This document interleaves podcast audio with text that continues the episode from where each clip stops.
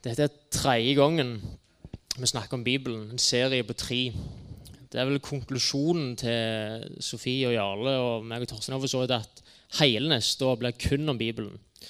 Eh, for det er så mye, og det er så svært, og det er så viktig. Nå har jo det vært konklusjonen på alle de andre temaene vi har hatt oppe òg. Så jeg vet ikke om det er Ja. Men det bobler mye. Det får dere snart se om et øyeblikk. Se Sofie. Først, eller Vi snakket om mange aspekt med Bibelen. Det går an å tilnærme seg Bibelen bare som et skrevet dokument. Bleid å finne ut en del ting, og det kan være fascinerende nok. Men det en oppdager, er jo at hvis du begynner å ta i dette, her, så er det akkurat som det får tak på deg. Det er folk som har plødd gjennom Bibelen uten at de har gjort noe med dem. Og det går an. Men det er en del som leste gjennom Bibelen som ikke hadde planer om at det skulle skje noe, og så skjedde det ganske mye når de bare leste gjennom. For Guds ånd virker i lag med Hans ord og gjør noe i oss. Så Jarle sier at det er en mirakuløs bok. Hun er levende. At noen hadde satt seg ned og skrevet noe som hang sammen og var fascinerende og var litt innebygd i hverandre, og litt sånn intrikat greie, er jo fascinerende. Men dette er skrevet av folk over en veldig lang tidsperiode. Forskjellige folk. Uten at de visste om hverandre, uten at de hadde hatt en plan om hvordan dette skulle ende ut. Og så er det blitt 66 forskjellige bøker som henger sammen på en enormt fascinerende måte. Som er troverdig. Veldig mye av det som står der, har skjedd. Det som ikke har skjedd, ligger det til rette for at kan skje ganske snart. Ting går i oppfyllelse. Det er troverdig. Det er enormt mange aspekt som gjør at denne boka er fascinerende og er levende. Og det viser oss sannheten og virkeligheten. På hebraisk er det ikke et forskjell på de to ordene. Sannheten og virkeligheten er én ting. Hvis det er sant, så er det virkelig. Hvis det er virkelig, så er det sant. Så vi er jo utsatt for et enormt sånn tankekør på hva som er viktig. Vi tror jo ofte for eksempel, at vi er veldig viktige, at vi er det viktigste i hele verden. akkurat hva jeg vil, føle og tenke og synes. Så forteller Bibelen oss at det er noe annet som er viktig. Og så er det sånn, så våkner vi litt opp. Selvfølgelig er det det. Vi ser litt utfor, veldig sånn snevert. Så det, det, renser tankene våre. Det gjør at vi ser klart. Vi forstår hva som er sant, og hva som er virkelig. Og det er veien til livet. Du kan finne kunnskap her, men dette er liv. Det er ord av liv som skaper liv i deg. Det er levende ord som gjør at du blir levende og begynner å leve det livet du er ment å leve. Så på så mange plan og aspekt er dette ord som, som eh, eh får tak på oss. Så når jeg så tenkte, så, så tenkte jeg jeg skulle si at Og alt dette er under angrep i vår tid. Så stoppet jeg litt opp, så er det sånn Ja, i en gitt kamp, i en gitt situasjon vi er i, så er det under angrep. Men hvis vi zoomer litt ut, så er det ikke sånn det henger sammen. Det er dette som angriper. Mørket ligger over verden, og Guds rike er på vei inn i verden. Mørket reiser seg, og Guds rike bryter fram og bryter gjennom. Og Guds ord er et levende sverd. Dette er i angrep. Guds rike er i angrep. Og selvfølgelig møter det motstand når vi angriper, og når Gud angriper. Så det er settingen. Så vi er ikke i en sånn posisjon der vi skal prøve å bortforklare eller forsvare. Guds ord klarer seg godt sjøl. Vi må bare henge med. Vi trenger ikke si oh, ja, det er en del vanskelige ting her, og det, det er ikke så godt, og skulle ønske det ikke sto, og vi vet ikke hvordan vi skal forholde oss til dette. Vi kan fryde oss over dette. Og vi kan si han vi tror på, vi stoler på han. Han er den beste. Alt han sier, er rett og godt. Han er kontrollen, han er peiling, han vet hva han gjør. Hvis han sier det sånn, så er det sånn. Da går vi for det. Ofte trenger vi ikke stole blindt på det Gud sier, for han sier så mange ting rundt, og vi forstår så mange ting. Men hvis vi trenger å stole blindt, så går det òg helt fint. For han har kontroll, som ingen andre har, som ingen andre ting vi har erfart, har, har han. Vi kan stole på han alltid. Hans ord er godt, vil oss det beste og er til det beste alltid. Det er helt unikt. Og Vi trenger ikke bortforklare ting. Vi trenger ikke si at ja, kanskje ikke det er akkurat det. Vi kan bare løfte det frimodig opp og si at dette er livet, og vi henger bare med. Og det er klart, Hvis du er på fjellet, og det er dårlig vær, og du ikke er enig med de andre om hvor er veien hjem og til trygghet, og hvor er veien til fare og mulig død, så er situasjonen ganske prekære, alvorlige og kritiske. Det er ikke likegyldig. Vi må finne ut. Vi må stå for det som er, for det er konsekvenser for veivalg vi gjør, og hvordan vi lever. Og I dette tilfellet så gjelder ikke alle, alle fjellvettreglene. Og en av de som har valgt å ikke grave seg ned i ei snøhule og vente til det går over, er Sofie. Det går an å gjøre det. Det går an å gjøre det og bare tenke at vi holder fast på det vi har. Har en lav profil, så går det godt til slutt. Da mister vi livet. Det mister det fantastiske. Og en av de som bobler over for å løfte opp ordet, leve i ordet og forkynne ordet og formidle ordet, er Sofie. Så hun er, blitt, er en berikelse for fellesskapet vårt. Mange av dere er blitt kjent med henne. Jeg har fått gleden av å bli kjent med henne i det siste. Ryktet er gått fram førende. Eh, og det er jo veldig kjekt når ryktet ikke lyver. Når ryktet er godt og det ikke lyver. Så jeg eh, fryder meg og gleder meg over deg, Sofie. Så vi, har prøvd å fyre henne opp skikkelig, for det, at, det bor mye i henne. Vi har sagt du må bare gi gass. Kjør på, Sofie. For en introduksjon. Det er godt å være her. Men jeg må si at med, med den introduksjonen jeg nå fikk, og, eh, og den jeg tidligere har fått av, av Torstein bl.a. Ja, hva skal jeg si? Det mye å ta inn for en ryfylking. Såpass kan jeg si. Den ene sida av meg er jo litt sånn underforte, for vet, inne i Ryfylke der var det litt sånn som så det var på Jæren òg. Jeg vokste opp iallfall eh, at det skulle, ikke, det, skulle, det skulle, ikke, være så svært. Eh, så, så, da er en sikkert litt underforte på skrøyt. Og så kjenner en liksom at nei, når de sier sånne ting så det Kent sier nå, så nei, dette er litt for mye å ta inn. altså, Så vi får jekke oss litt ned òg. Men, men jeg, jeg, har noe på hjertet, da. Og det er jo kanskje det viktigste. Jeg kan godt si litt om meg sjøl har jo blitt sagt eh, her, Jeg heter Sofie Braut. Bor på Hognestad. Kaller det av og til ute i provinsen litt for løye. Der er det jo veldig fint, og der bor jeg i lag med Håvard, mannen min. Tre unger. Lyder, Keise og Lovise. Eh, og der har jeg bodd snart i ti år det er litt sånn starten her. Og, så tenkte jeg når jeg skal introdusere meg sjøl Jeg er jo lærer da, på videregående, og der må en jo av og til introdusere seg sjøl. Ja, så jeg og tenker, Hva er det så interessant egentlig å dra fram med liksom, vil, altså, hvor en bor, eller ja, jeg tenkte litt sånn her òg. Ja. Så jeg litt om det. Og så har jeg med meg en ting. Det har jeg òg hørt, og det lærte vi jo nå i starten òg, så det passet godt å ha med seg en ting.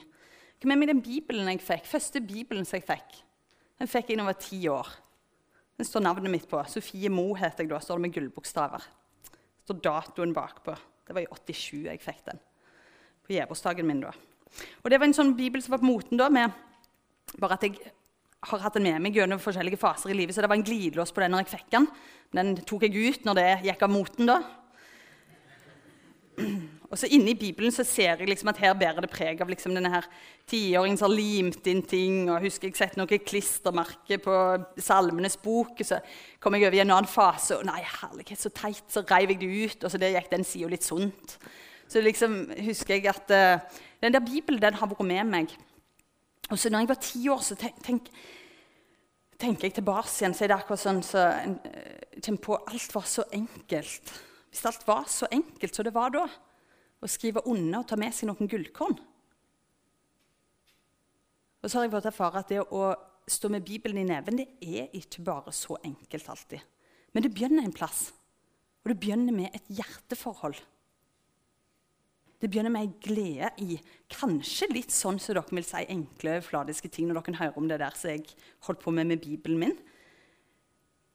Men det begynner en plass, og så plutselig så har det blitt det aller viktigste. Det er derfor det er så viktig det som skjer nede med ungene, og opplegget der òg.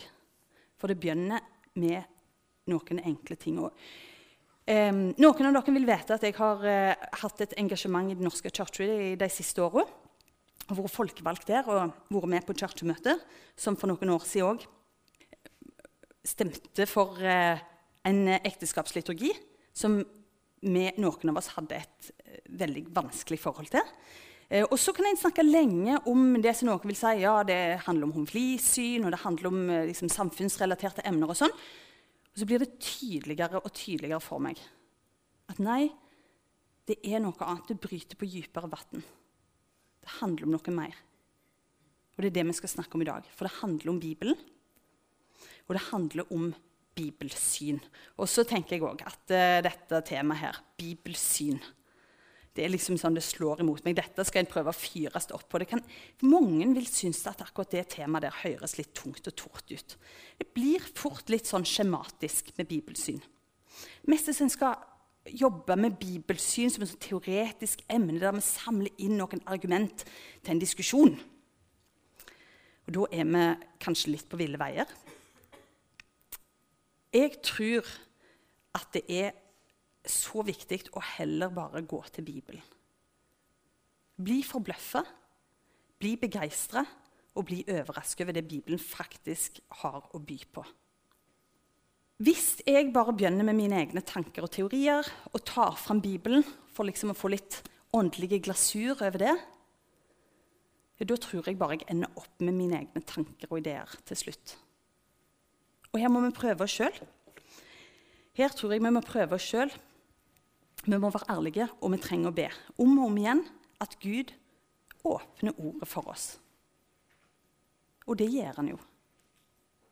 Det har han lovt. Og Gud er trufaste. Den som ber ærlig over sin åpne bibel, Herre, åpne ordet for meg, vil erfare at Gud er trufast i det. Den som lar seg forplikte, sånn som Kent snakket om òg, sier at det er noe som faktisk er viktigere enn bare meg og mine anliggender her. Og ber Gud, vis meg ditt hjerte, vis meg hva du vil. Ja, den vil bli bønnhørt.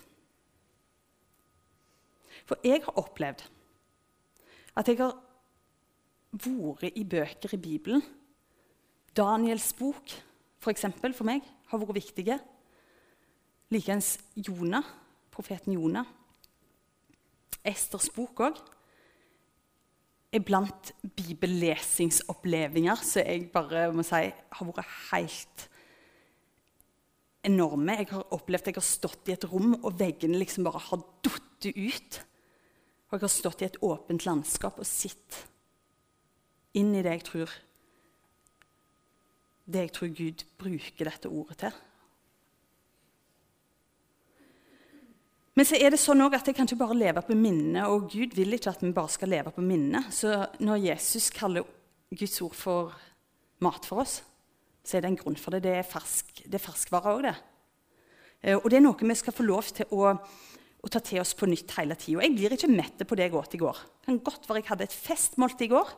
Det hadde jeg for øvrig ikke. Men hvis jeg hadde hatt det, så, så jeg blir jeg ikke mett på det samme i dag. Og Det er derfor vi hele tida må komme til Guds ord. Vi må komme til Ordet. Og vi må prøve oss sjøl på det òg. Vi kan si at Gud taler ikke til oss, og vi må prøve oss sjøl på det. Kommer til ordet. La oss gå til Bibelen og ta det litt derifra. Jeg har lyst til å ta dere med til apostelgjerningene. Ehm, I det andre kapitlet der der skjer det noe helt enormt, noe stort. Gud sender sin hellige ånd og det er, det er, et moment, som ungdommene sier. Det er et øyeblikk i historien om Guds folk som endrer så kolossalt masse. Gud gjør virkelig noe nytt her. Han sender sin Hellige Ånd, og for disiplene så må det plutselig ha blitt klart hvorfor Jesus sa dette, som var så merkelig. For han sa jo det er det beste for dere at jeg går ifra dere. Og disiplene må jo ha tenkt hva i alle dager er det han mener? Hvordan kan det være best for oss at han går for oss? Jo, for talsmannen skal komme. Og i apostelgjerningene 2 så får vi sett at talsmannen faktisk kommer. De blir mest slått i bakken av det. Folk hører alle språkene sine snakket. Det er et virvar og et kaos, og allikevel så er det noe nytt som bryter fram. Og de blir ikke varende i det virvaret og kaoset der folk tror at de har drukket seg fulle, og det er tidlig på dagen. og alt dette her. Det er masse reaksjoner på det. Og vi har lett for å tenke at når det kommer fornyelse, når det kommer noe nytt, ja, da er det på tide for oss å tenke framover, liksom. Tenke nytt. Det er det mange som sier i dag. Men når dere ser i apostelgjerningen 2, hva er det som skjer med Peter når dette nye kommer?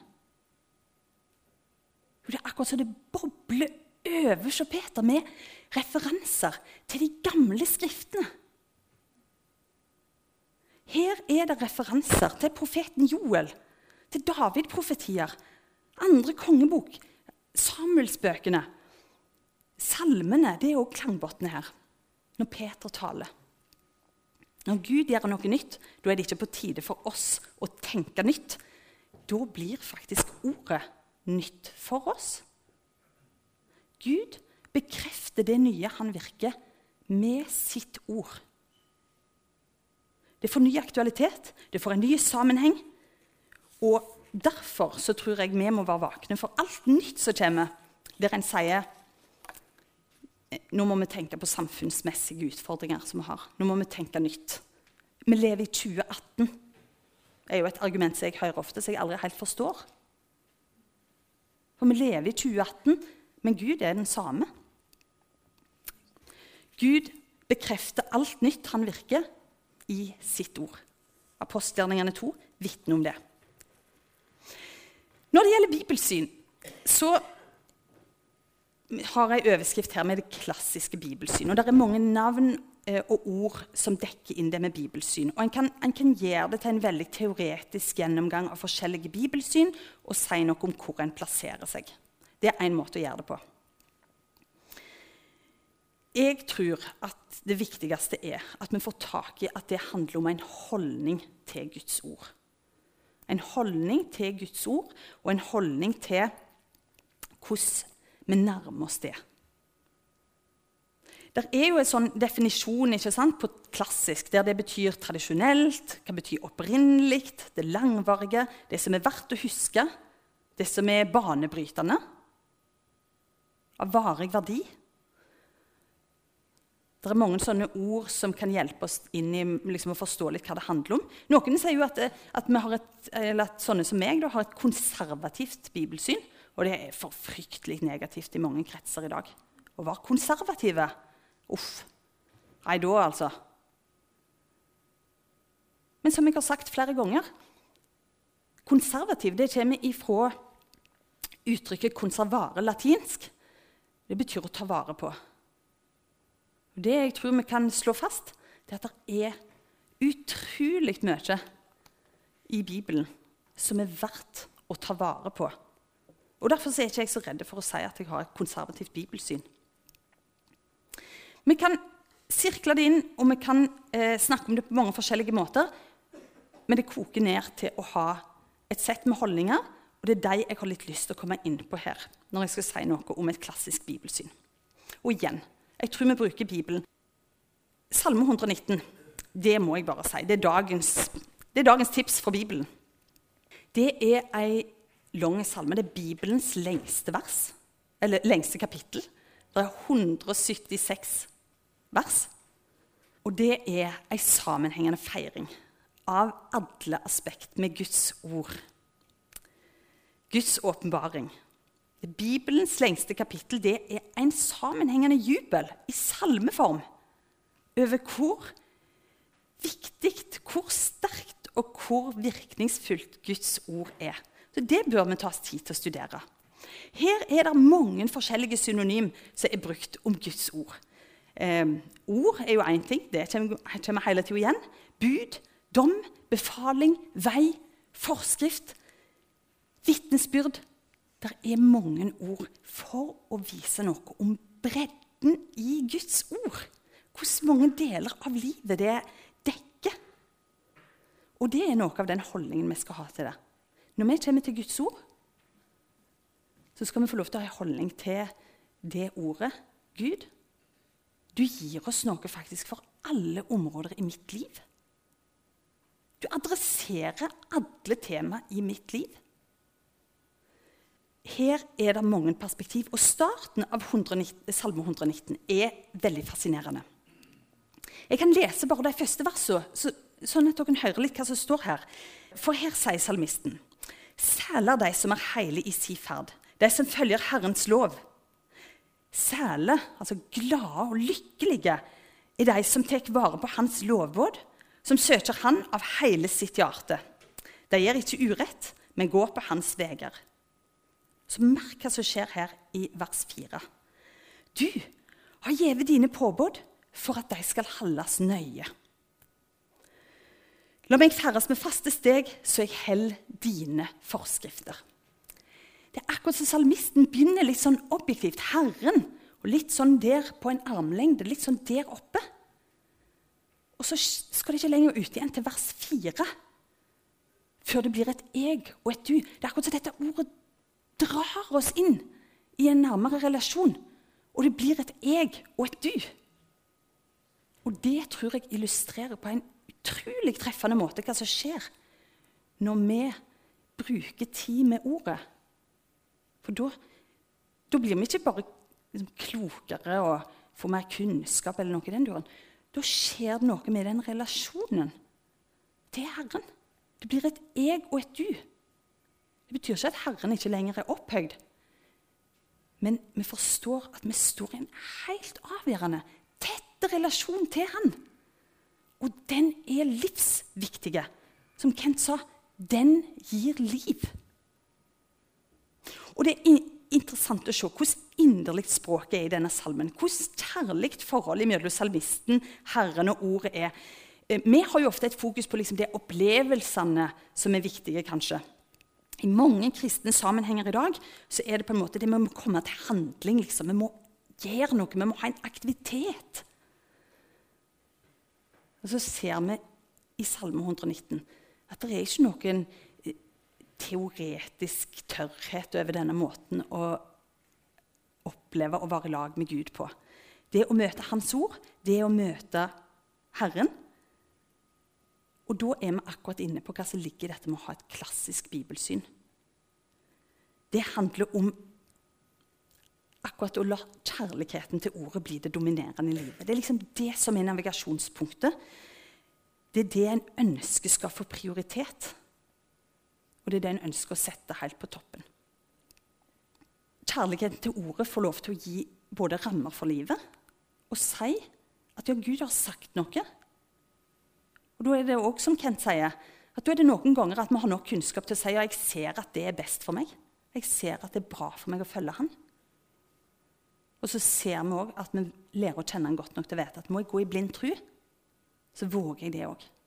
For jeg stoler på han. At Guds ord blir en sånn autoritet på alle områder av livet, det er å rett og slett ikke bare gå til Guds ord, sånn som vi gjør av og til med kjøleskapet på lørdagskvelden. Kikke inni og se hva er det godt her å ta ut. Ah, det har jeg lyst på. Plukker vi ut det. Men at vi lar hele Hans ord få lyde innover livet vårt.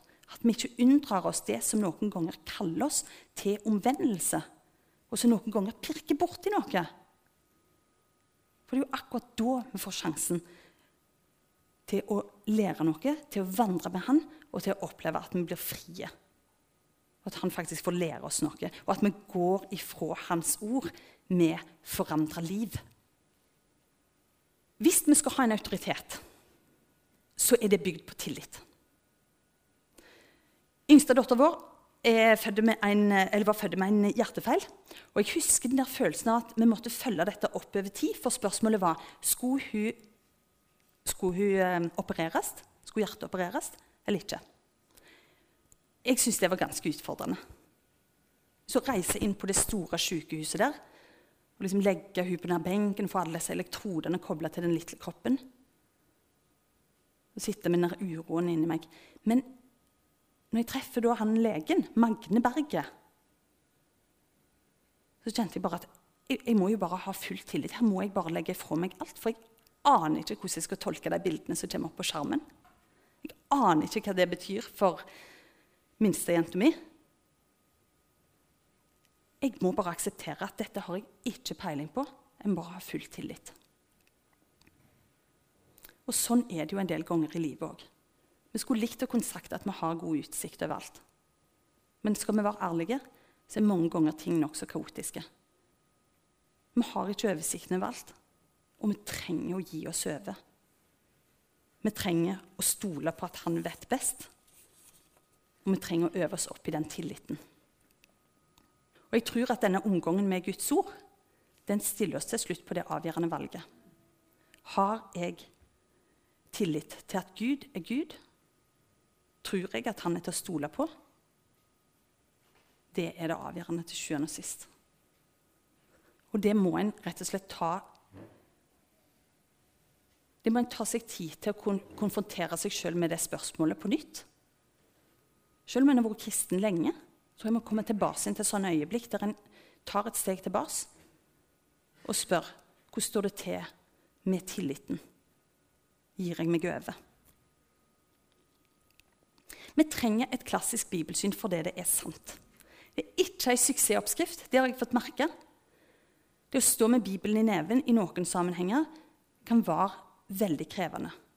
Det er folk som vil si at det er en helt utdatert måte å tenke på. Det er andre som vil si at sånn type blind tro det passer ikke inn i vår tid. Og så bare vil kategorisere det med en gang. Men vi trenger det, for det er sant, og vi trenger å la sannheten lyde. I vår tid så er det blitt sånn. Og det er blitt veldig lett å komme til orde. Det er blitt veldig lett å komme til ordet. En kan uttale seg nesten før en har fått tenkt seg om, dessverre, i alle mulige kanaler. Eh, og mange kjemper om å få komme til ordet.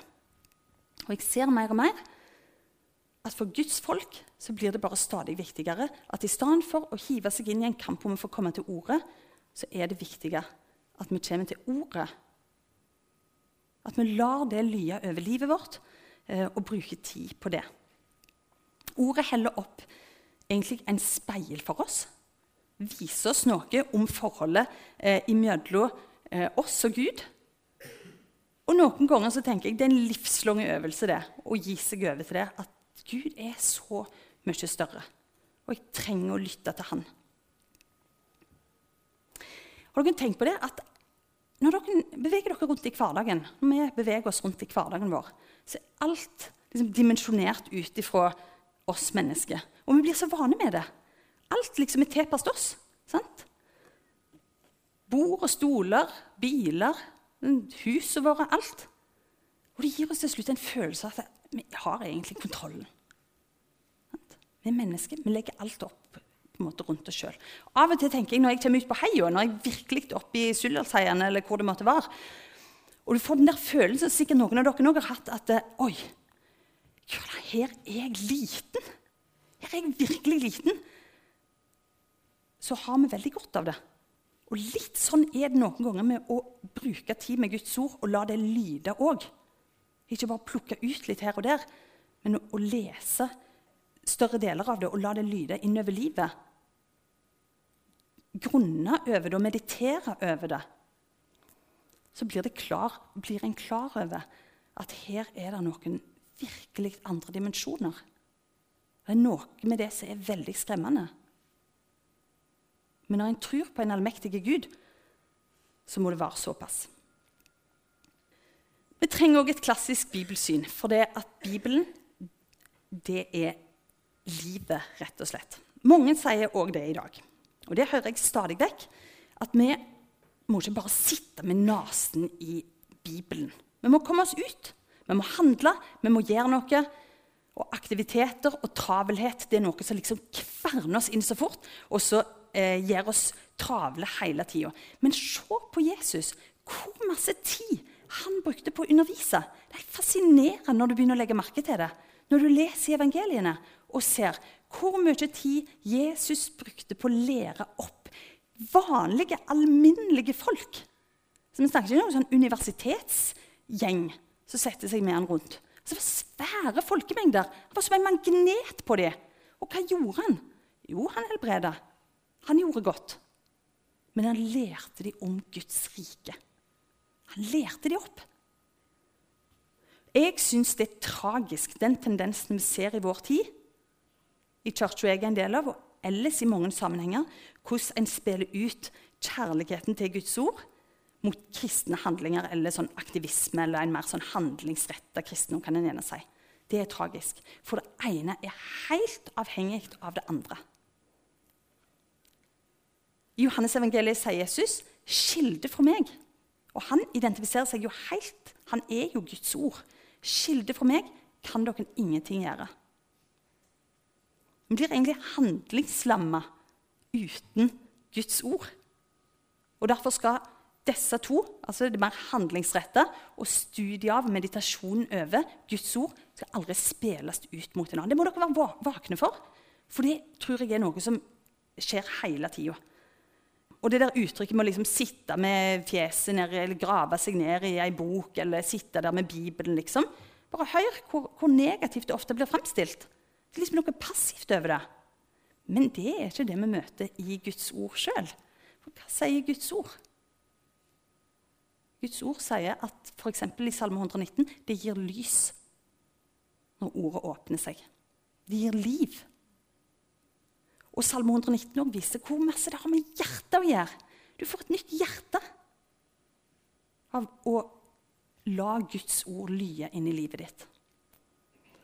Så det er livet, det er pulsen, det er noe som dunker og gir liv inn i livet. Jesus var helt fylt av ordet sjøl. Når han var frista, så er det én ting han svarer med. Det er Guds ord. Det er Skriftene. Det er svaret hans, verken mer eller mindre. Når vi tar med oss Bibelen og ønsker å ta den på alvor, så kan jeg bare si med en gang at det vi kan vente oss da, det er motstand. Og igjen, det Kent sier her om at det skjer en kamp, og det pågår en kamp om sannheten, først og fremst, det er en realitet. Så en merker langt inne i kristne kretser òg. Så vi trenger å gå inn i det med åpne øyne. Vi trenger å ruste oss for det og trenger å si at ja, det er en realitet. Det vil jeg møte. Og vi trenger gjerne å komme ut litt av den der konsensustenkningen som preger det norske. For vi er jo utrolig vane med at det, det, meste kan ordnes. Vi setter oss ned, vi finner fram til et kompromiss. Vi finner ut av det. Her inne for eksempel, er det runde bord. Og det, det, det, er litt sånn det er i Norge. En tenker at en setter seg ned, eh, en snakker sammen, Eh, og en finner ut av det. Og Det er litt av det som ligger bak det kompromisset en ser f.eks. i Den norske kirke òg, når det gjelder synet på ekteskapet. Vi setter oss ned, og så kan vi ha alt på en gang. Det er bare det at det ikke alltid virker sånn. Guds ord stiller oss i mange sammenhenger på valg. Vi må være villige til å gå inn i det. I Bibelen blir jo Guds ord også omtalt som sverd.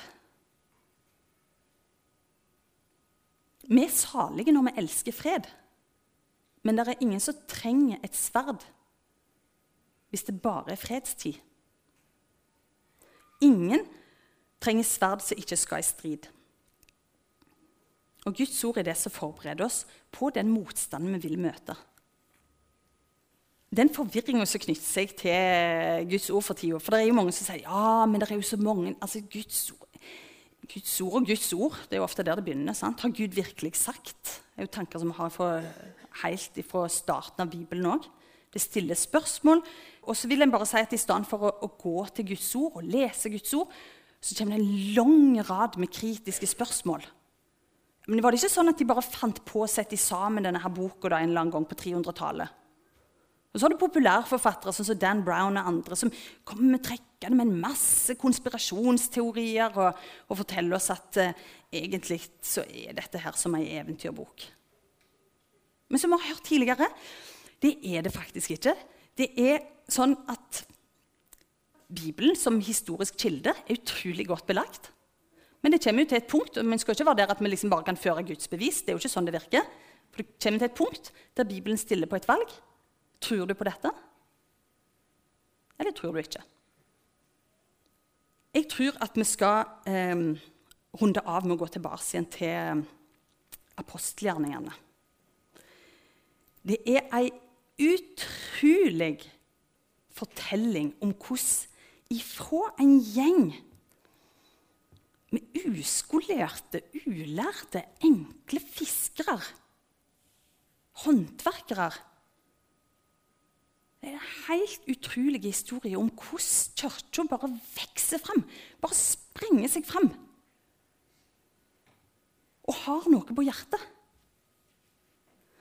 Og Når vi kikker på apostelgjerning i kapittel 6, så har dette her kommet ganske godt i gang. Mennesket blir lagt til, Den hellige ånd virker, Det er utrolig mye som skjer rundt denne her menigheten, som skal bare breie seg ut og komme helt opp her som vi bor. Det er, det er en kolossal vekst. Vi, nå er det jo vekst her òg, og folk kommer til. Og det er vekst i kirka rundt forbi verden. Det er jo ikke noe sånn nedgangstid for kirka. Kirka breier seg ut fremdeles i dag. Men når vi får et lite sånn nærbilde av hvordan dette her var i starten, og i apostelgjerningene 6, så er, blir det etter hvert en slags konflikt. Hva skal vi prioritere? For det er noen som begynner å klage. Noen som begynner å klage for at det, der, det er noen enker, og enker er jo veldig viktige i Bibelen. Gud har et spesielt hjerte for enker og, og farløse. Det ser vi det som en rød tråd gjennom hele Bibelen. Så det er egentlig rett, det som de sier de som kommer og klager til lederne for menigheten, at enkene liksom ikke, blir liksom ikke tatt godt nok hånd om. Så her, her må de liksom henge med og, og følge opp litt bedre og, og være, litt mer gode handlinger. Og, og i det hele tatt ta seg av de som er der. Og Det er veldig interessant å lese hva svaret er. Hvis det, dere som har med Bibelen, slår opp, kanskje òg i apostelgjerningene 6 står om, om, fra starten av kapittelet her om at de klager. Og så kommer da svaret. For de tolv kaller da sammen alle læresveinene. Sant? Så nå, nå, er det litt sånn, nå staker de ut kursen videre. Hva er det som skal prioriteres, og hva er det som er viktig? Det er ikke rett, sier disse tolv. Det er ikke rett at vi forsømmer Guds ord for å gjøre tjeneste ved bordet. Så ber de om at de skal velge ut noen som skal ta seg av den tjenesten. Og i vers 4 så står det Sjøl skal vi holde oss til, ordet, til bønnen og tjenesten med ordet.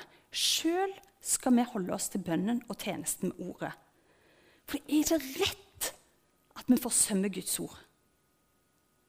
Ingen tjeneste kan i lengden bare holdes i live. Eller kanskje det kan det. Kanskje en blir så nummen at en bare tenker på å holde hjulene i gang. og at det blir det viktigste. Men det skal vi passe oss for. For apostelgjerningene 6 viser oss at det som gir vekst, det som gir liv, det er at en faktisk fortsetter å prioritere og ta til seg av Guds ord. Jeg tror at mange av oss ville argumentert for å tenke litt praktisk her. Altså hvis det bare strømmer inn med folk, så må liksom passe på det. da. Det er jo det viktigste. Det er jo alt det som knytter seg til å utvide og ha aktiviteter. Tenke praktisk. Altså, Bibelen kan vi alltid studere. kan jeg tenke. Vi må hjelpe folk. Vi må løse bemanningssituasjonen. Vi må ta på alvor alle disse her eh, praktiske utfordringene vi står overfor. Men det ser ut for at Bibelen utfordrer oss på det. Jeg vil avslutte med å si det en gang til. Det er ikke rett at vi forsømmer ordet. Vi må la ordet lyde. Det må være vår fremste prioritet. Og uten ordet så blir all handling, all aktivisme, tømt for egentlig innhold.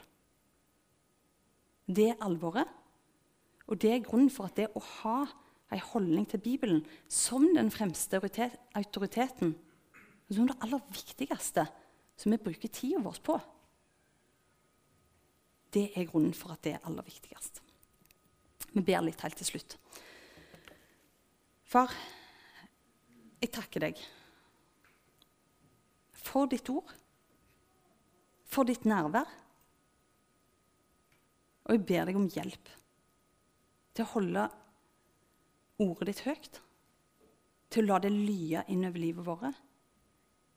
Hjelp oss du sånn at vi forplikter oss og søke deg i ditt ord, der du er å finne. I Jesu navn. Amen.